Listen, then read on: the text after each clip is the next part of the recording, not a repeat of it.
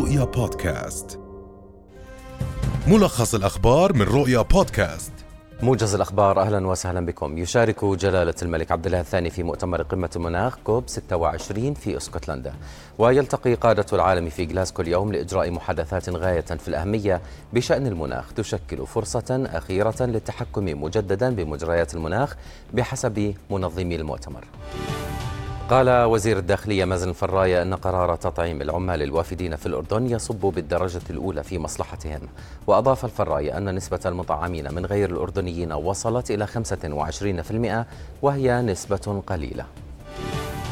قرر وزير الداخلية مازن الفراية اتخاذ قرارات جديدة لتسهيل الدخول إلى المملكة بهدف رفض الاقتصاد في جميع القطاعات وخاصة القطاع السياحي. لما لذلك من أثار إيجابية على سوق العمل وإيجاد فرص عمل جديدة للأردنيين. وقرر الوزير السماح للمجموعات السياحية من الجنسية السورية بدخول المملكة بعد قيام المكاتب السياحية بتقديم طلب لدى وزارة الداخلية حسب الأصول وتعهد الالتزام بالبرنامج السياحي المعد مسبقا والاحتفاظ بجوازات السفر لدى المكاتب السياحية لحين مغادرتهم البلاد. قال رئيس مجلس مفوضي هيئة تنظيم قطاع الطاقة والمعادن حسين اللبون إن كوادر الضابطة العدلية في الهيئة تتجول منذ يوم الجمعة على محطات المحروقات المنتشرة في مختلف أنحاء المملكة للتأكد من التزامها بتزويد المواطنين بالمشتقات النفطية.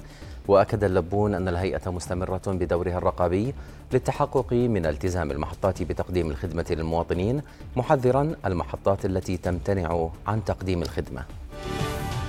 بدأت وزارة الأشغال العامة والإسكان بالتعاون مع إدارة السير المركزية بإجراء تحويلات مرورية على أوتوستراد عمان الزرقاء ضمن الحزمة الثالثة لمشروع الباص سريع التردد. وأكدت الوزارة أن التحويلة المرورية بعرض ثلاثة مسارب وهي مؤمنة بعناصر السلامة المرورية والإشارات التحذيرية والإرشادية داعية المواطنين إلى الالتزام باللوحات الإرشادية والكوادر في الميدان. اقتحم مستوطنون متطرفون اليوم ساحات المسجد الأقصى المبارك الحرم القدسي الشريف. وقالت دائرة الأوقاف الإسلامية وشؤون المسجد الأقصى إن عشرات المستوطنين اقتحموا باحات المسجد الأقصى بحراسة مشددة من شرطة الاحتلال الإسرائيلي المدججة بالسلاح.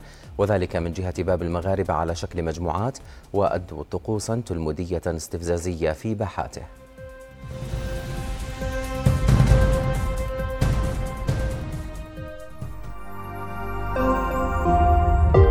رؤيا بودكاست